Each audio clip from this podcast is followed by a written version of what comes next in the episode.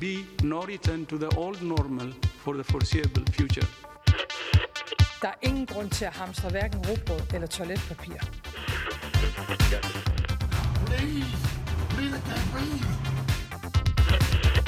No politician in history has been treated worse. To use this beautiful game to actually change the world. поблагодарить всех, кто сделал свой ответственный выбор. We will succeed, and that success will belong to every one of us.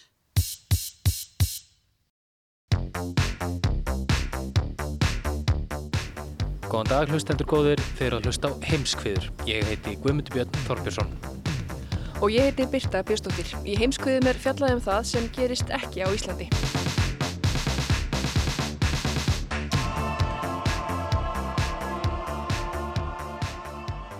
Guðmundur Björn, veistu hvað norðurslóðir, loðdýrarækt og jólalög eiga sammeilegt? Já, kannski jólaseirin. Býr hann ekki á norðurslóðum, klæðist stundum loðfeldum og kemur fyrir í mörgum jólalögum. Það er enda sannlega mjög góð tilgáta. En fyrir utan jólasveinin þá eiga norðurslóðir, loðdýrarækt og jólalög það sammeilegt að vera umfjöldunarefni þáttans í dag. Emitt, við fáum meðal annars að heyra hvaða áhrif kórunveru faraldurinn hefur haft á samfélag norðurslóða og spáum í framtíð samvinnu um málefnisvæðisins með nýri stjórn í bandaríkinum. Og svo hugum við að loðdýraræktinni. Það fóruð alltaf hliðina í Danmörku á dögunum þegar mingum var slátrað þar í stórum stíl eftir að kórunveru smitt greindust í einhverjum dýrana. Þessir atbyrðir í Danmörku hafa sett umræðu um loðdýrarækt á kortið en einnig um stærra vandamál. Vandamál sem kom koronaviruna að byrja með. Það sem snertir heilu vistkerfin og samband manns og náttúru. Og svo er það rít skoðaða jólaleið. Þú ætlar að segja eitthvað frá því, Birta? Já, það er vegna þess að Radio One, aðal útvarsrás Breska ríkisútvarsins, þeir hafa rít skoðað eitt vinsalasta jólalag allra tíma, Fairy Tale of New York. Rít skoðað þannig að þeir taka tvö orð út úr læginu og við ætlum að aðeins að velta vöngum við því sagt, af hverju þetta er gert, hvort að þetta sé í lægi, að reytskoða listaverk með þessum hætti og ég fæ hann Arnur Ekkert Tórótsson í lið með mér til að velta vöngum við því. Nick Cave blandast meðal annars inn í þessu umræði. Áhugavert. Já, en hefur ekki að byrja á norðurslóðu? Jú, loftslagsbreytingum hefur fyllt vaksandi áhuga málöfnum norðurslóða en Ísland er nú í fórustu þeirra ríkja sem vinna saman á svæðinu þar sem Bandaríkin og Rúsland starfa meðal annars í mesta bróðurni. En hvernig hefur þessi samvinna gengið? Má búast við breytingum með nýri stjórni í bandaríkunum? Og hvaða áhrif hefur COVID-19 haft á samfélag Norðurslóða? Andri Irkild Valsson þreytir hér frumrönn sína í heimskuðum.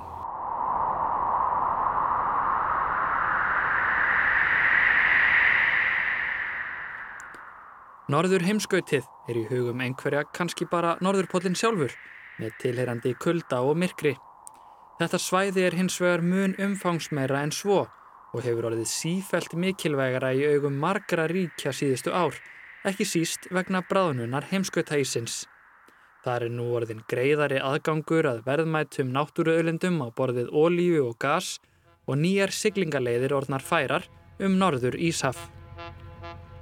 Ef við sjáum fyrir okkur full lestað gámaskip Þá eru miklir hagsmunir fólknir í því að stitta siglingaleiðina millir markaða Asíu og Evrópu, já um tvær vikur eða svo, með því að fara norður fyrir Rúsland í staðin fyrir að þurfa að fara söður fyrir, í gegnum Súeskurðin og um meðjararhaf. En þessum tækifærum fylgja ákveðnar áhættur, ekki síst fyrir umhverfið. Og málið með norðurslóðir er að það áengin þetta svæði í raun. Til þess að reyna að koma á einhverju röð og reglu var Norðurskautsráðið stopnað árið 1996 sem samstarfsvettvangur þeirra átta ríkja sem eiga landsvæði innan þeirra línu sem afmarkar norðurslóðir, oft miðað við 60.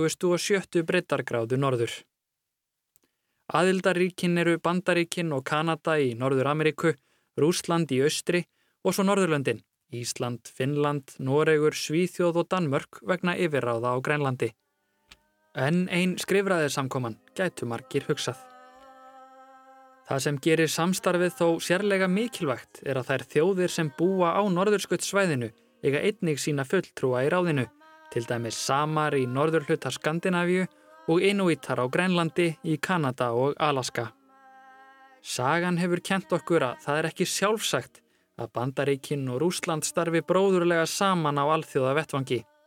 Í Norðurskautsráðinu er starfseminn þannig að aðeldaríkin átta skiptast á formensku til tveggja ára í senn, þar sem þau fá tækifæri til að leggja sérstaka áherslu á ímismál er varða samstarf á norðurslóðum. Ísland fer nú með formensku og líkur sínu tveggja ára tímabili næsta vor. Yfirskrift formensku Íslands, saman til sjálfbærni á norðurslóðum, leggur sérstaka áherslu á málefni hafsins, lofslagsmál og endur nýjanlega orku, en ekki síst fólkið sem byggir norðurslóðir. Ég lýsi því oft uh, þannig að það að vera í formensku norðurskórsáðun er, er eitthvað svona svipað því eins og að vera leikstjóri í söngleik. Þú tekur við söngleik sem er búin að vera í gangi í mörg ár. Þú myndi ekki skipta út öllum leikurunum. Þetta er Einar Gunnarsson, sendi herra Íslands í málefnum norðurslóða. Hann er formaður embættismanna nefndar norðursköldsráðsins og má segja að beri höfuð ábyrð á því að áherslur Íslands í formenskunni komist til skila. Við kannski getum breyta aðeins upp, uppstillingun á sviðinu og fengið aðra til þess að vera í forgrunni og, og, og önnur verkefni fara meira til hliðar og það er þar sem að stjórnin í formenskunni liggur.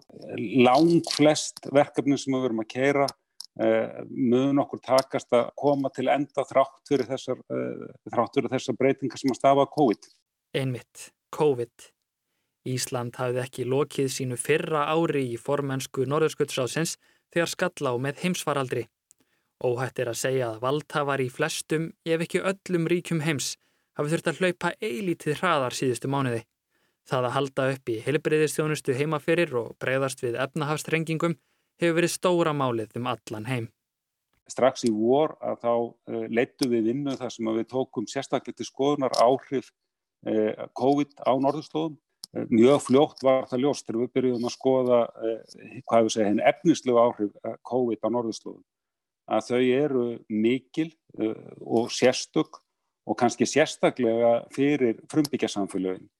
Um, þau eiga sér langa sögu á norðurslóðum Eh, frumbyggja samfélagin er búin að vera þarna mörg hver í árþúsundir, mjög einangur lengin eh, og eiga sér slæma sögu þegar kemur að, að, að fyrri farsóttum þar sem að þær hafa dönið á þessum samfélagum og eða lent á þeim verð heldur hún á öðrum samfélagum.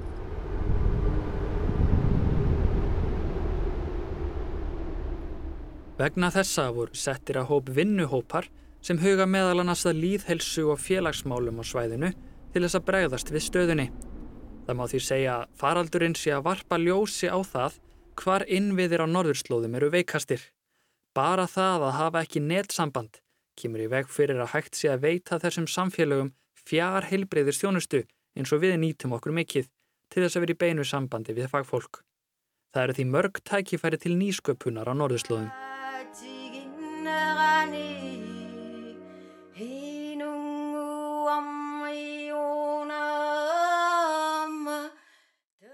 En þrengjum nú aðeins linsuna.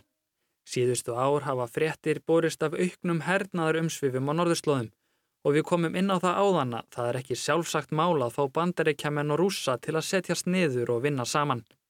Það hefur hins vegar gengið vel í norðursköldsræðinu, kannski sérstaklega þar sem helsta bitbeini stórveldana, hernaðarmætti og yfiráðum, er haldið utan við starfsemir ásins.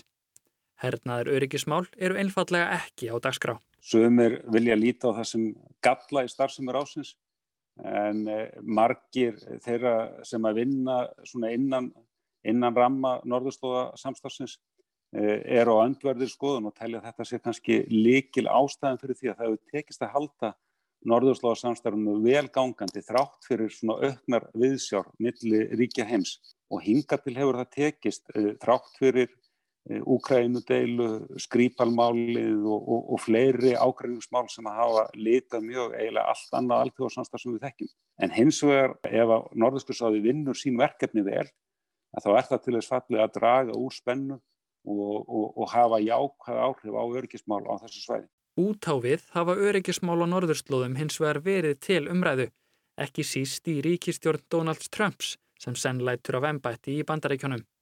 Mike Pence varaforsetti og Mike Pompeo, uttaríkisráð þeirra bandaríkjana, komu báðir hinga til lands í fyrra þar sem þeir ítrykkuðu áhegjur af auknum umsvifum rússa og kynveri á norðurslóðum og mikilvægi Íslands í því samhengi.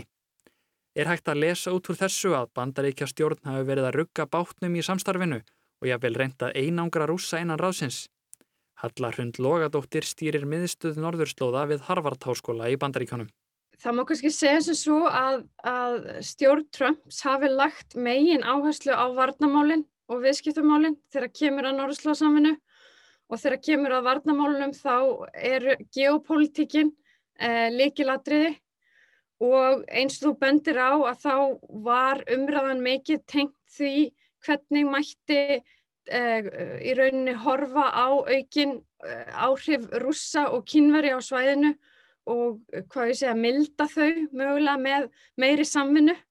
Um, og það var kannski svona rauði þráðurinn í, í, í stjórn Trumps hvað þetta varðar. Það má því segja að það hafi verið greinileg áherslu breyting hjá bandaríkjónum á þessum fjórum árum í fórsetatíð Trumps. Ríkistjórn Trump lagði áherslu á norðurslóðir í öðru samhengi heldur en kannski uh, Obama gerði. Við sáum að hann uh, var með yfirlýsingar um að kaupa Grænland, mjög óheðbundnar yfirlýsingar. Tíðindi af því að Donald Trump bandaríkjafórseti hafi áhuga á að kaupa Grænland vekja furðu í Danmörku og á Grænlandi. Fyrirverandi fórsetisráð þeirra Dana segir að þetta hljóta vera aprílgap. Strategically for the United States it would be nice and we're a big ally of Denmark and we help Denmark and we protect Denmark and we will. And essentially it's a large real estate deal.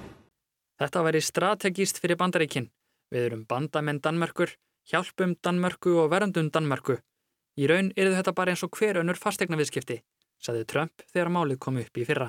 Og í þess anda voru hagsmunir eh, bandaríkjana eða, eða áherslan í hans stjórnatíð meira á varnarmálinn, tengt eh, svona strategíu, tengt áhrifum Rúslands og Kínverja á svæðinu. Þegar Joe Biden tekur við taumunum í kvítahúsinu er hins vegar búist við breytingu á stefnu bandareikjana í utanríkis og öryggismálum, jafnvel strax frá fyrsta degi.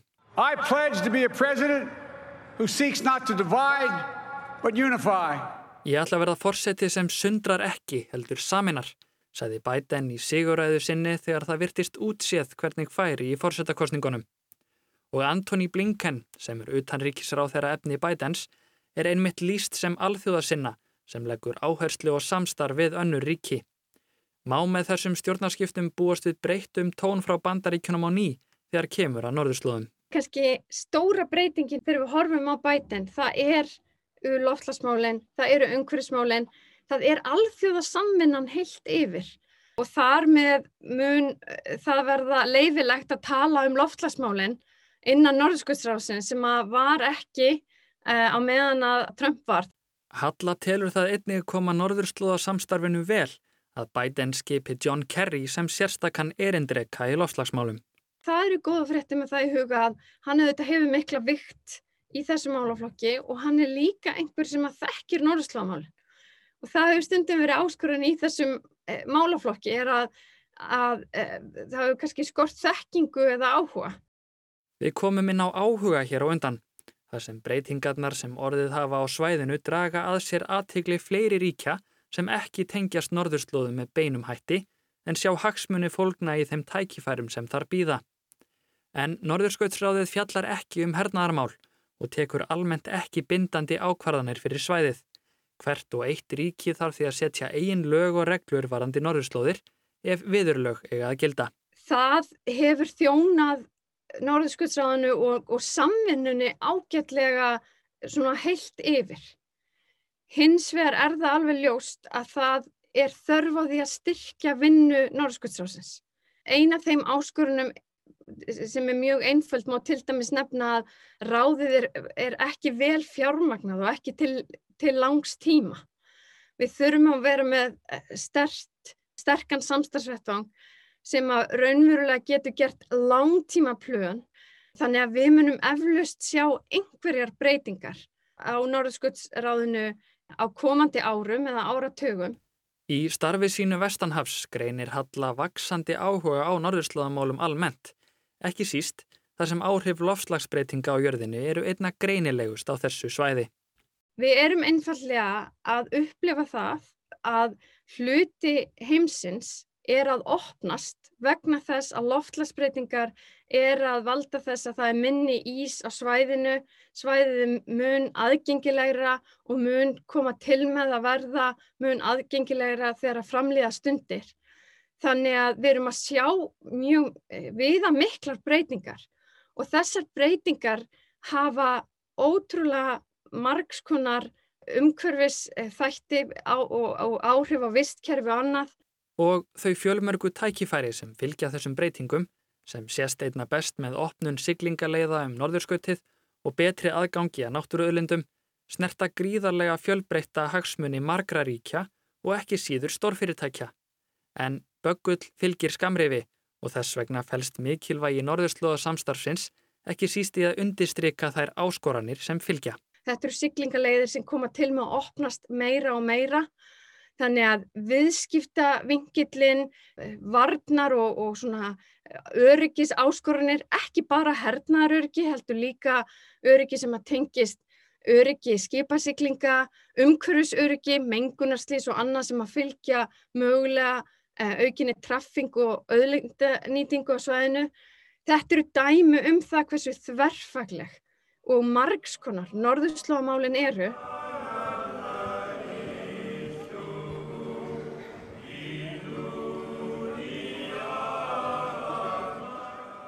Þrátt fyrir að í Norðurskautsráðinu komi saman ríki með ólíkar áherslur í mörgum málum hefur rauði þráðurinn verið þessi átaka litli samstarfsvettvangur alveg frá stopnun ráðsins árið 1996. Það er ekki auðvilt að útskýra hvers vegna samstarfið hefur gengið svona átaka löst. Norðurskjórnsáðu verður náttúrulega til í lok kaldastinsins að skapaðast einstaktt tækifæri og ég held að mann hafi notið þess mjög að, að, að Norðurskjórnsáði var byggt svona eh, frá, frá botninum og upp en ekki frá toppnum og niður. Við erum með upplugt samstarf einstaklinga sem eru að vinna með vísindi og þekkingu og við höfum náða að byggja í kringum það og eh, haldið áfram að fókusera á það sem við gerum best.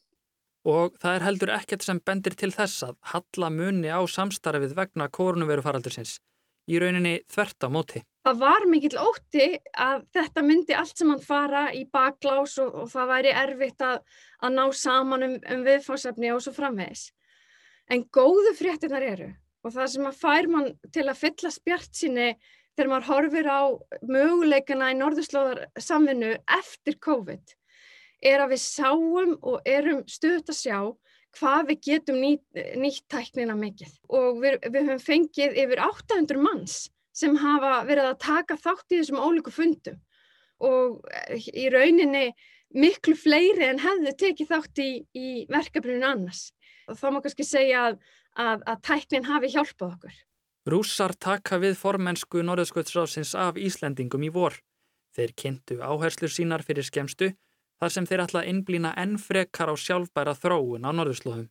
Okkur líst eh, príðilega á þessar eh, rúsnesku áherslur. Það tala mjög vel eh, við áherslur Íslands í ráðinu og rússar hafa svona svipaðan álguna þvíleiti til eins og Íslendingar. Það leggja miklu áherslu á að það sé jafnvægi millir þessar að tryggja grunnstóða sjálfbara þróunar eh, sem eru umhverfisvend, eh, efnagslega framþróun og félagslega framþróun og það er greinilegt að áherslur rúsa eh, svona liggja að mörguleiti í svipaðar áttir.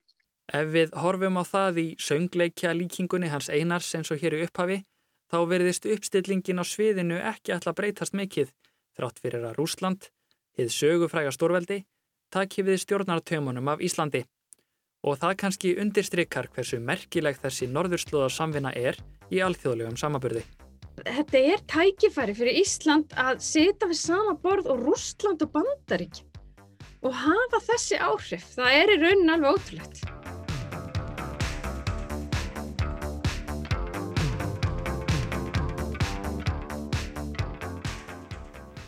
Eitt vinsalasta jólalag bretta og þó víðar væri leitað er nú leikið í örlítið breyttri útgáfu á aðal útvarstöð breska ríkisútasins BBC. Ekki eru allir sáttir við reitskóðin BBC sem kliftu út úr jólalæginu orð sem hæstraðandur þar segja særandi og meiðandi.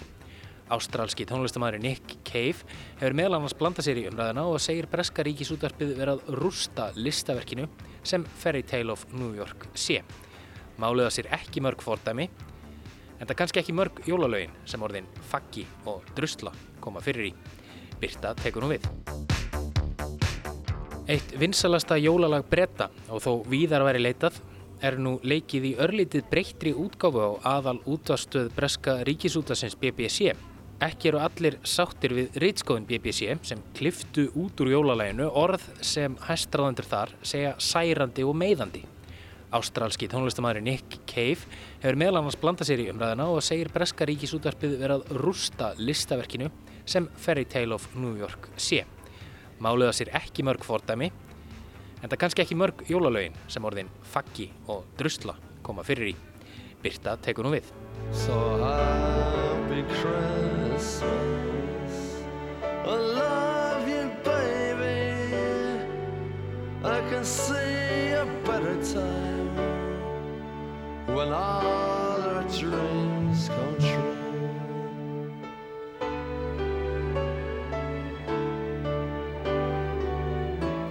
Þetta byrjar svo sem óskup sakleisislega, í raun bara fallega. Gleðileg jól, ég elska þig ástinn mín. Framöndan er betri tíð með blóm í haga fyrir okkur bæði.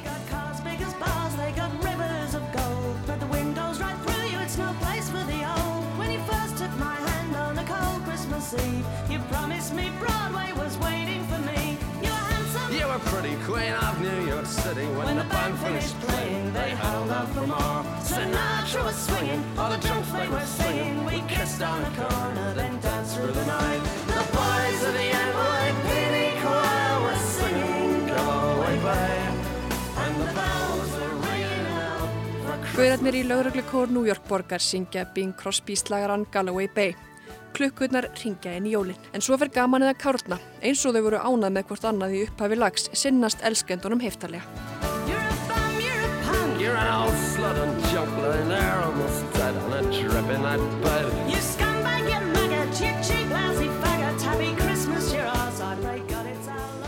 Og það er þetta þarna. Rifrildi söguhetjana í jólalæginu um ævintýrið í New York sem hæstraðundur hjá Breska ríkisúttarpinu BBC hafa nú rittskoðað allavega á aðal útvarsrásinni Radio 1. Á öllum hinnum útvarsrásum Breska ríkisútvarpsins fær lægið þó að hljóma óbreytt. Það liggur reyndar hjá útvarsfólki hinna stöðvana, hvora útgáfuna þau vilja bjóða upp á. Orðin tvö sem klift hafi við út eru þessi hér. Og svo...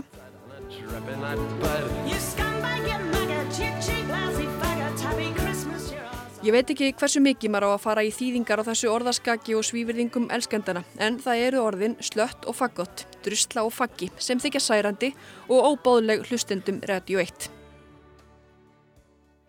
En hvaða lag er þetta? Lagið sem hefur oft og yðurlega ratað á lista yfir bestu jólalög allra tíma. Lagið sem er mest spilaða jólalagið í Breitlandi á þessari öld.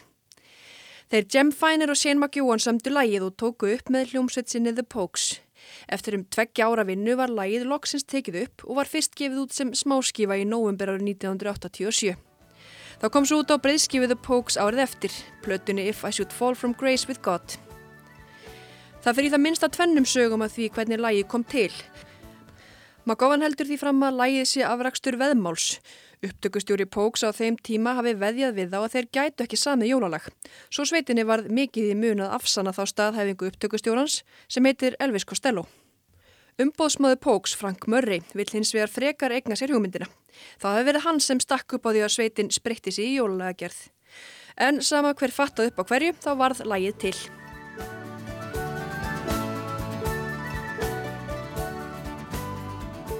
Fairy Tale of New York heitir eftir samnefndri skáldsögu Jó Péton Levi sem kom út árið 1973.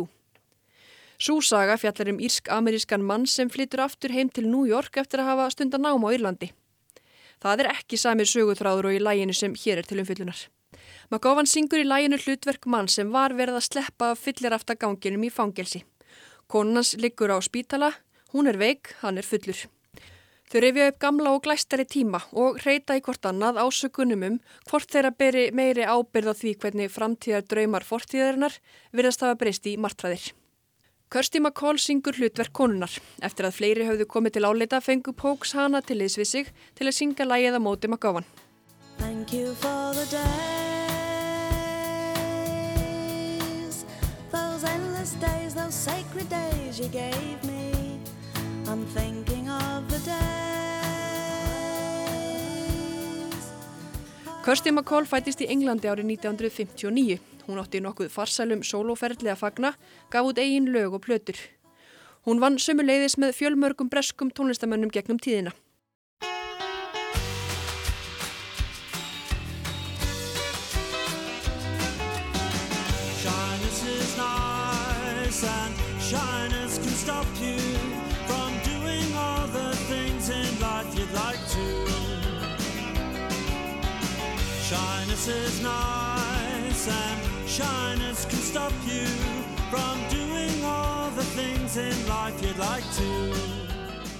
Fyrir áhugasum og til dæmis geta þess að McCall söng bakrættur í læginu sem hér hljómar, Ask með The Smiths. Ask me, I won't say no, how could I? Coyness is nice. Þá söng hún sömuleiðis ábreyður af ymsum lögum annara, Days með The Kinks sem hljómaði hér í upphafi. Já, og meira frá Smiths, You Just Haven't Earned It Yet, Baby.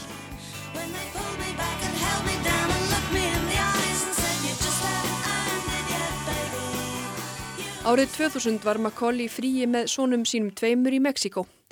Þetta var fyrir 20 árum síðan, þann 18. desember nána tiltekið. Þau fóru saman að kafa við rif úti fyrir ströndum Consumel þar sem þau dvöldu fyrir jólinn. Þau voru nýkomur úr kafi þegar mótorbát var stýrt á ofsarraða í áttaði. McCall virðist hafa séð bátinn stefna í áttað 15 ára sinni sínum Jamie og ítti honum úr vegi. Hún varð sjálf fyrir bátnum og lést samstundis. Thank you for the days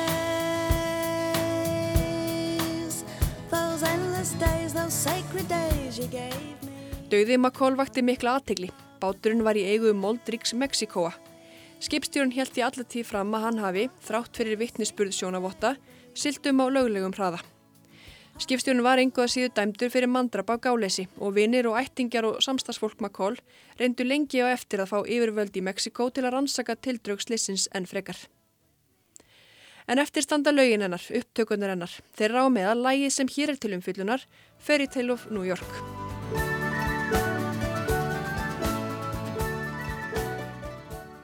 Lægið hefur verið vinsælt alveg frá því það kom út. Þetta, það er alveg merkilegt hvað þetta hefur verið sagt, haldið stöðugum vinsaldum. Þetta er Arnar Eggert Tórótsen, tónlistar sérfræðinguð með meiru og aðjungt við félagsfræði deilt Háskóla Íslands. Sko það kemur einmitt út sem smáskífa og þá er þetta, stendur þetta álitið út. Og síðan bara svona, já, herður það bara vinsalt og, og eina af ástafanum er að þetta er algjörlega einstakt lag, það, það er ekki gleði beint, það er ekki góður endir, þetta er hérna, þetta er svona ræsis hérna hveðskapur og það er eitthvað við það sem fólk verðist að fíla og líka bara melodían í læginu og þessi saga uh, bara heillar fólk, þetta er líka mjög klassisk saga, þú veist hérna fólk sem hérna hefur verið óhætti í lífunu og, og er svona að syngja um brosna drauma og allt svona. Þetta er, þetta er mjög svona bókmyndalegt verk í rauninni ef við talum um þetta lag sem, sem listaverk sem það sannlega er. Kannski svona raunsætt. Jólinn koma hjá líka hjá þeim sem búa göttur, ekki bara þeim sem eru gladir. Já, al, nákvæmlega og, hérna, og þetta, þetta, einmitt, þetta heggur inn í þessa mynd að við viljum hafa jólinn fullkominn og, og það er allir að reyna að hafa hlutina fullkomna og fólk er alltaf með eitthvað svona kjörmyndaði hvernig jólinn er að vera. Og þarna er bara fólk sem kannski bara sefur úti á aðfangata þannig að það er svona það er eitthvað sem já, bara heillar og það hefur einmitt verið þetta er eitt af vinsalustu svona jólalögum bara allar tíma og bæði vinsælt að spila í útvarpi en, en líka bara þekkt fyrir gæði þetta þykir vera alveg ótrúlega gott lag bara smíðin sem slík Það hljómar og ómar sem sé mjög víða þessa dagana, á flestum stöðum óklift eftir því sem ég best veit. Þegar þessi orður er rítu á kaffihúsi í vikunni hljómaði lægi góða til að mynda í hátalara kerfi kaffihúsins. Og var sömuleiðis leikið í útvarpin í bílnum og leiðinni heim. Þar var reyndir ekki stilt á BBC stöðuna Radio 1 þar sem áður nefn tvö orð eru klift út. Þau eru reyndar ekki bæði klift út. Þakkaða var niður í orðinu slött en í staða línunar You cheap lousy faggot heyrist You're cheap and you're haggard. Þessar útgáfar að læginu eru til. Þessi útgáfa þar sem McCall syngur haggard í stað faggot var tekinu upp árið 1992. Það þótti vissara.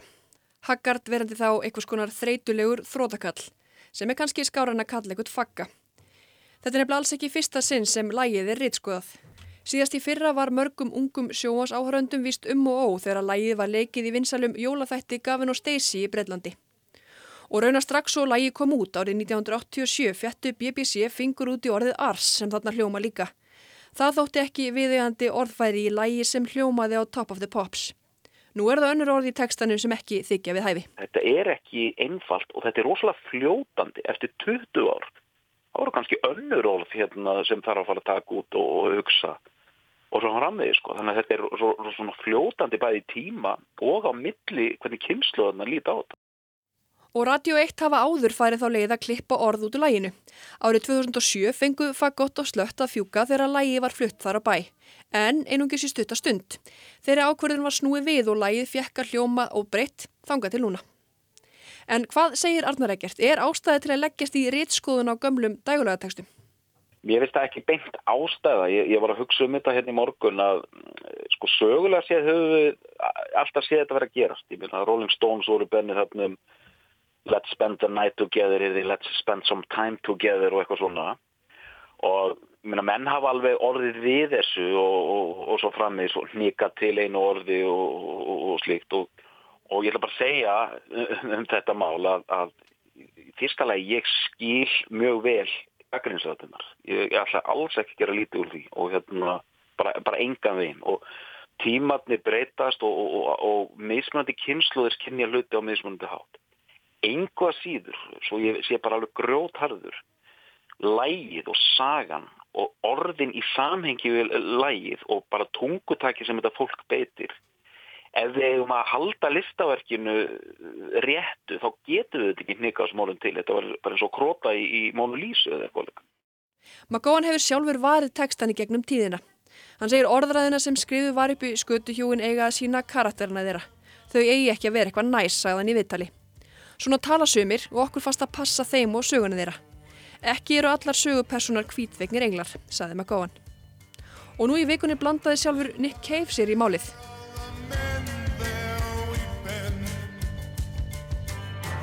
Nick Cave er, er komið með svona auka líf sem hérna pistilrittari, hérna skrifar og síðan Red Hand Files.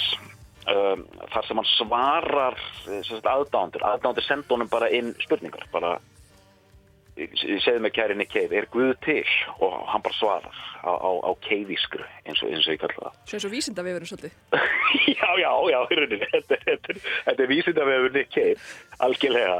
Og, uh, og hann fær einhver svona spurningar, mis, mis stórar og mis litlar og, og, og hann svarar og notar það tækifæri til að fer oft í og hérna, nú, ég nota hvert tækifæri til að strá smá salti hérna í, í einhver viðkvæma hérna Nick Cave aðdóndur að hann fer dálitið á flug oft sko, það er dálitið tilkjæralegur í þessu svörum sko.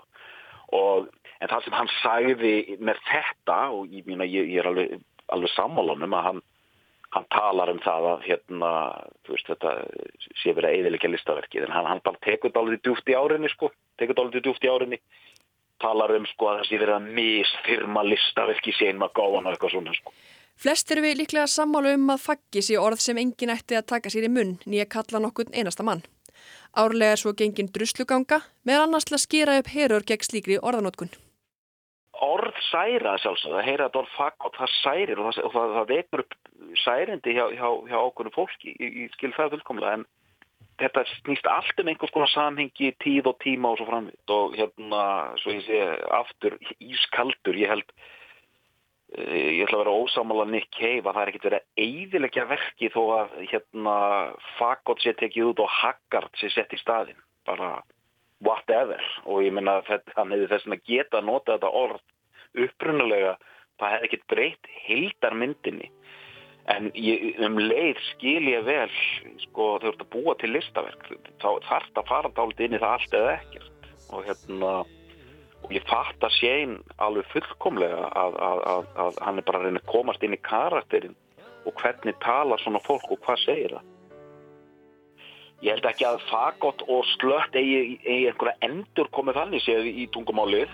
Þannig að það er dálitið farir en, en þetta snýst meira um veist, hversu mikið all, allar að hrópla við 30 ára gamlu verki sem stendur svona á, á, á þessum tíma og enginn fyrir að fetta fingur út í það fyrir, fyrir neftir einhver ár sko. og þetta er líka dálítið BBC umræða veist, við höfum alveg tekið eftir í gegnum árin að þeir eru hafa verið harðir á ákveðni rittskoðun Massive Attack fyrir að breyta nafnum sinni í Massive þegar hérna var eitthvað stríð í gangi og svo framvið sko. En þetta er eins og, eins og heyri, þetta eru, þetta eru sko félagsfræðilegar, heimsbyggilegar, listfræðilegar punktar í þessu öllu sem, sem verða nú ekki listir eh, hér í einu símtalið og ég gladur vildi geta það sko. En við allavega höldum áfram að hlusta á lægið og ó, ó, samankortum við hlustum á því BBC útgáfun eða ekki. Þetta lag, ég veistu það, ég, ég sverða, ég fæ nú alltaf smá tári í augum því ég heyri þetta lag, þetta er svo rosalegt sko.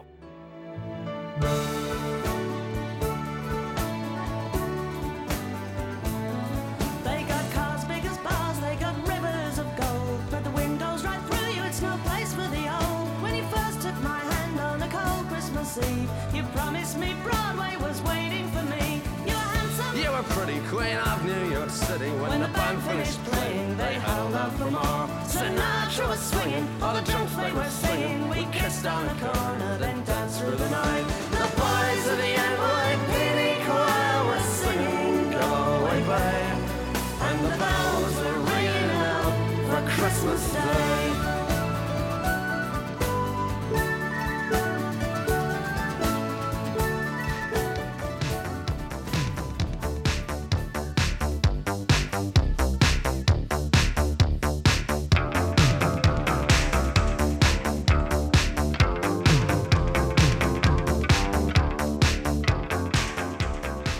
Danir eru með eina umfangsmestu minkarækt í heimi og ef aðeins er litið til Evrópu er ræktunin langmest í Danmörku.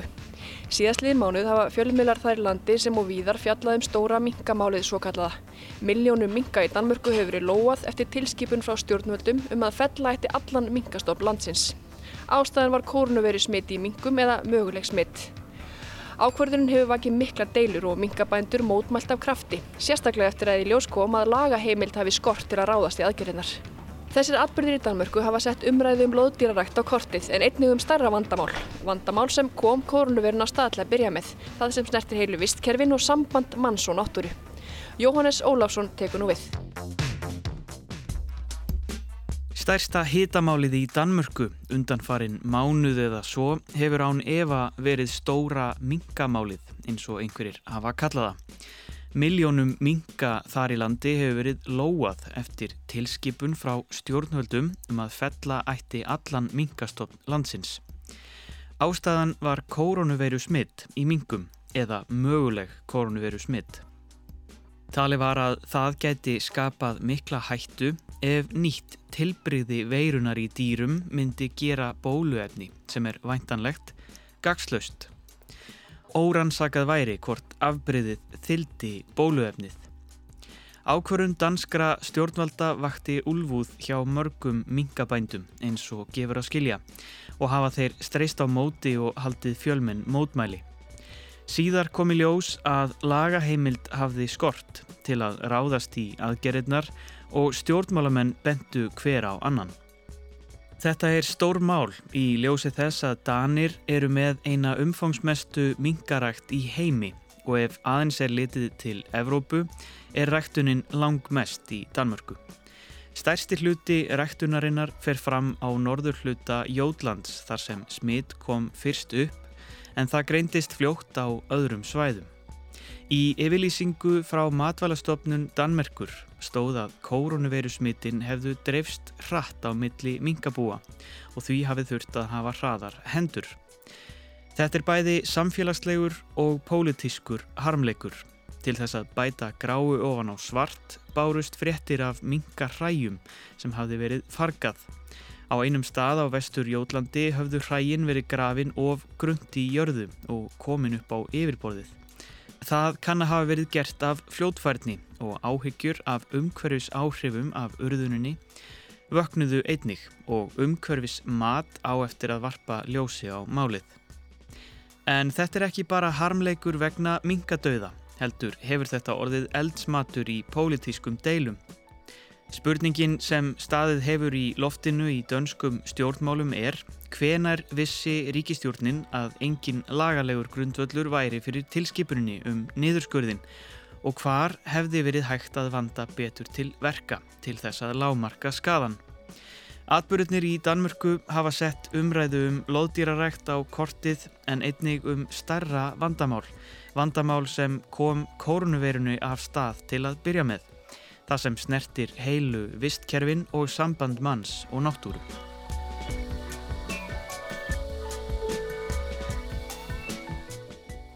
Þegar uppkoma tilfelli af nýjum sjúkdómum í dýrum senda þjóðir frá sér tilkynningu til alþjóða dýrahelbriði stopnunarinnar OIE.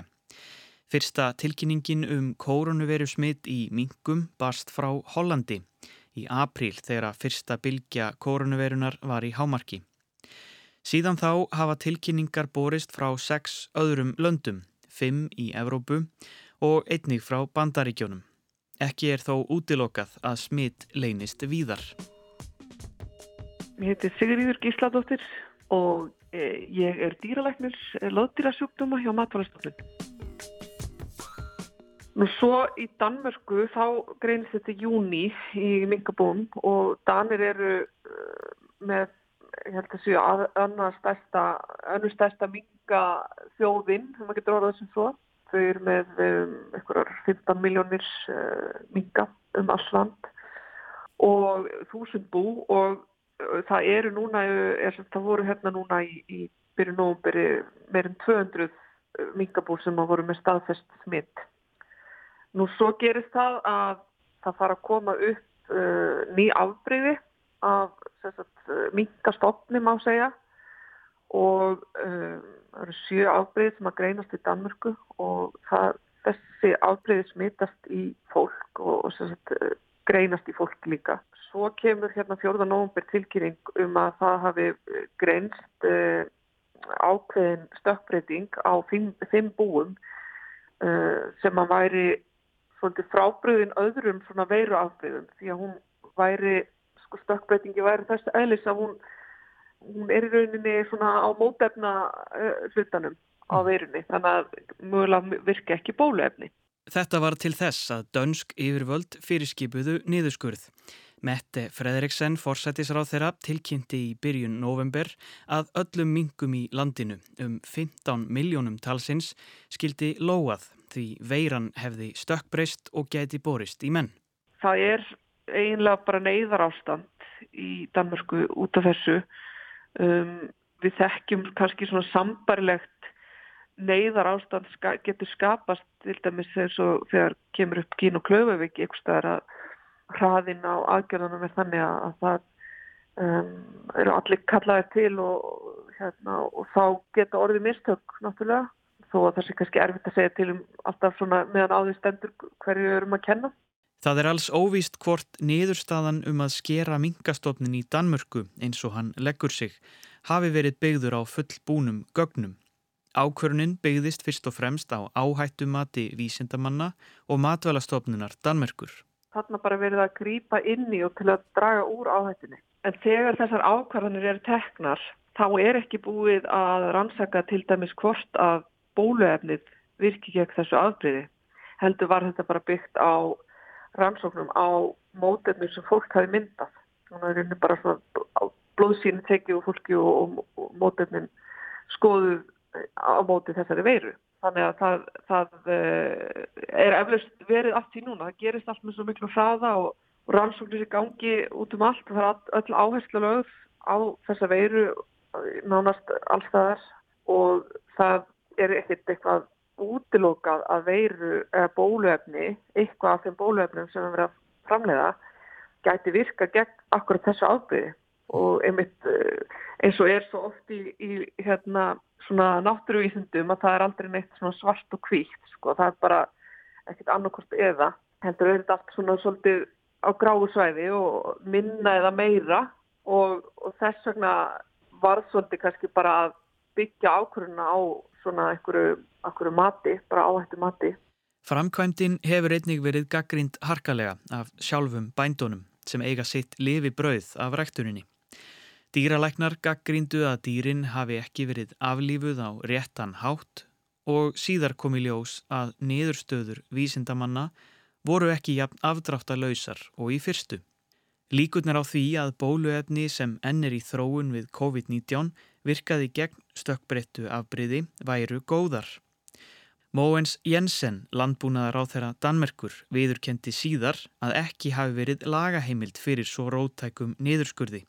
Margir höfðu þegar aflífað sína minga þegar upplýst var um það og vilja nú fá bætur. Jensen hefur nú sagt af sér ennbætti. Svona til að byrja með þá var eins og þetta hefur verið gert ykkur flíti því að það var ekki búið að tryggja alveg lagagrundvöldin. Það voru ekki lagaheimildi fyrir þessu og það var farið svona dreigið úr, sko fyrst var þetta fyrirskipun og svo eru þetta svona halkið tilmæli samt með stuðningi þannig að bændur sem að fóru bara í það uh, lóa uh, fengu stuðning ákveðin pening per dýr sem að var lóað fyrir ákveðina dagsetningu þannig að það var svona hraða bónus inni í þessu mann ekki búin að vera 10 eða 20 krónur danska per dýr sem var lóað uh, fyrir 10. november eitthvað svona á ákveðinu svæðum svo fundu menn glöfu þarna í, í lögum um óskuðu eftir að flytja út dýr og þá var ekki hægt að banna það. Það voru einhverju sem að bara fluttu út, bara eins og gengur gerist um allan heim. Það eru selt lifandi dýr millir heimsotnum og, og þannig að þar var til dæmis einn hérna glöfan. Þeir eru smátt og smátt að fjetta í þessa lagahólur. Tilugur um að þyrma lífi nokkur þúsunda minga til þess að koma í veg fyrir útrýmingu danska mingastoftsins lögðust ekki vel í mingabændur. Einhverju þeirra sögðu að það tæki alltaf 8 til 10 ár að komast upp í það sem hafi verið talin eðlileg framleiðsla.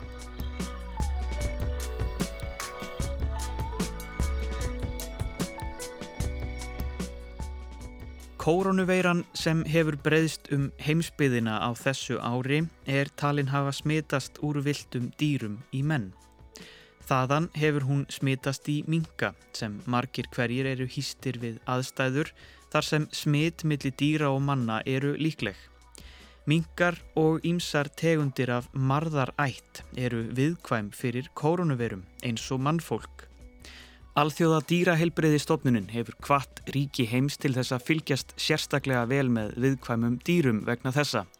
Þá er einnig hvað til þess að fylst verði sérstaklega vel með því fólki sem umgengst dýrin með tilliti til þess hvort heilsu þess stafi hætta af mögulegu smiti. Einnig eru uppi áhyggjur af því að veiran geti smitast úr mingum í róttur, mís og úlfa. Þaðan geti veiran borist aftur í mannfólki í framtíðinni.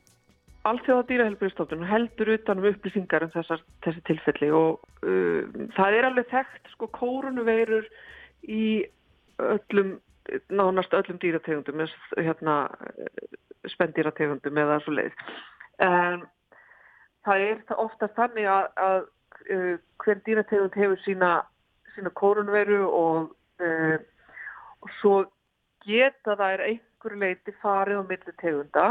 Til dæmis uh, hafa kvalir ákveðna kórunverur og, og svona einhvers konar flakka milli er ekkert óþekkt og þannig virka oft veirur líka. Það er bara það sama með bakterjur og bakterjur er ekkert endilega bara síkja einu dýrategund.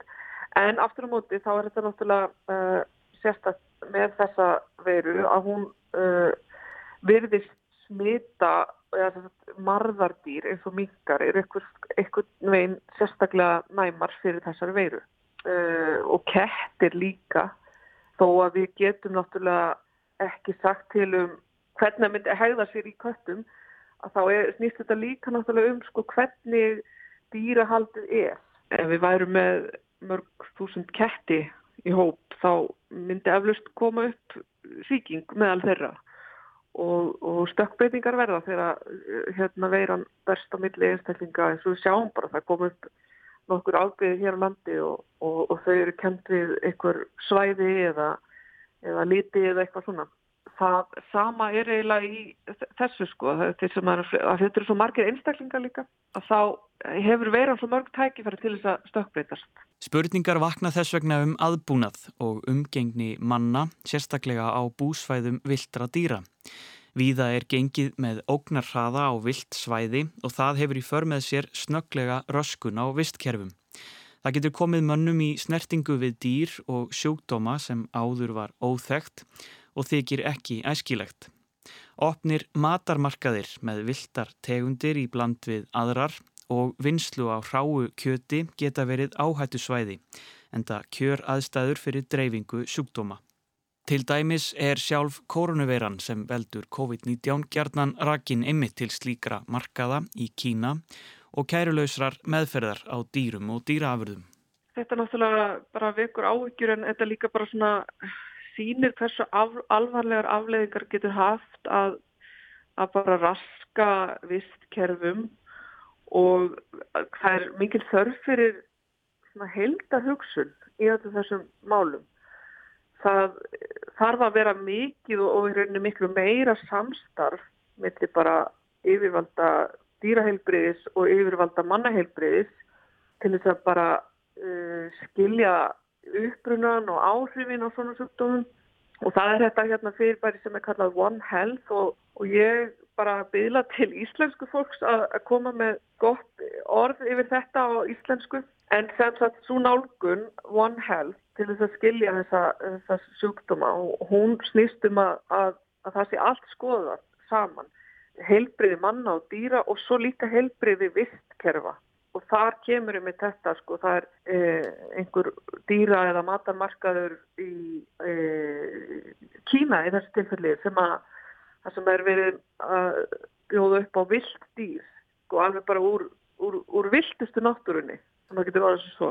Og þar verður ykkur uppruna að einhverjum um, heimsfaraldri sem við hefum aldrei séð annaðins líka og þetta er bara ekkert, uh, ekkert, ekkert nýtt og þetta getur allt gerst aftur ef, ef við höldum svona áhrif. Það er ekkert nýtt undir sólinni þegar kemur að hegðun okkar í náttúrunni. Afleðingar, gjörða okkar, gagvart, náttúrunni eru sjálfnast tilviljun og oft er hægt að afstýra þeim allra alvarlegustu ef hlustað er á viðvaranir vísindamanna um að staldra við eða fara hægar í sakirnar.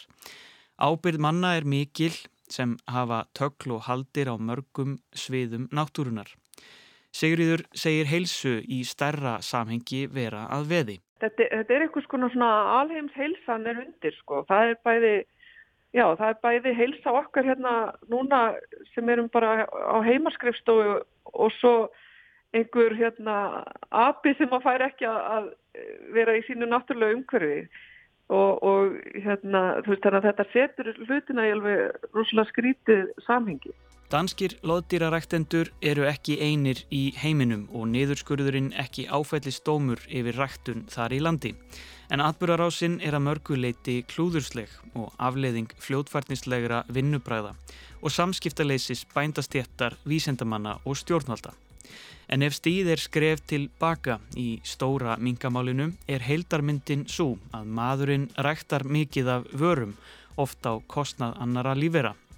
Rattir þeirra sem gaggrína skipulaðan landbúnað með dýr fara sífelt hækkandi og umræðan um aðbúnað dýra, umhverjus áhrif kjötáts og aðrar dýraafurðir hafa haft mun greiðari aðgangað meginströmi samfélagsins. Þess vegna vakna vissulega spurningar um loðdýrarækt í samhengi við ræktun minga og gildi hennar. Hvað sé nöðsýna vara og hvað ekki? Já, það er náttúrulega allt bara, hvað maður að segja, þetta er bara hluti af þessu kapitalíska kerfi sem við lifum við, hvort sem það er í framleyslu á mjölk eða pelsum og kannski annara dæmum það hvort, hvað sé nöðslegt og hvað ekki. Minga eða loðdýra búskapur náttúrulega fer hann alveg inn í þessa kæfi því að það fellur alveg óbúslega mikið til af, af dýraafurðum sem nýtast ekki til manneldis en nýtast svo til þess að framleiða uh, pels. Það hafa, eins og hvað maður að segja, það eru rauk þeirra að, að, að þetta sé umhverjusvætna heldur en að framleiða gerfefni til dæmis. Uh, og svo koma aftur á móti svo dýravelfæra sjónamiðin um það hvort að þessi framleiðsla sé það óforsvaraleg út frá öllum sjónamiðum að, að það eiga legginu niður. Og önnur á annar dýrahald sem er með svipum hætti og til dæmis bara kjúklingabúrskapur eða svínabúrskapur eða annað. Þetta eru bara allt svona spurningar sem að hver og einn þarf að, þarf að skoða þegar hann er að, að bá í hvað hann er að gera við peningarna sína eða hvernig hann, hérna, já, hvernig hann metur hlutina bara. Heimskuður verð ekki fleiri þessa vikuna? Við minnum á að þennan heimskuðu þátt og alla hina má hlusta á í spilarunum á rú.is sem á öllum heldri hlaðarpsvitum. En við þakkum þeim sem hlýtu og heyrumst aftur í næstu viku.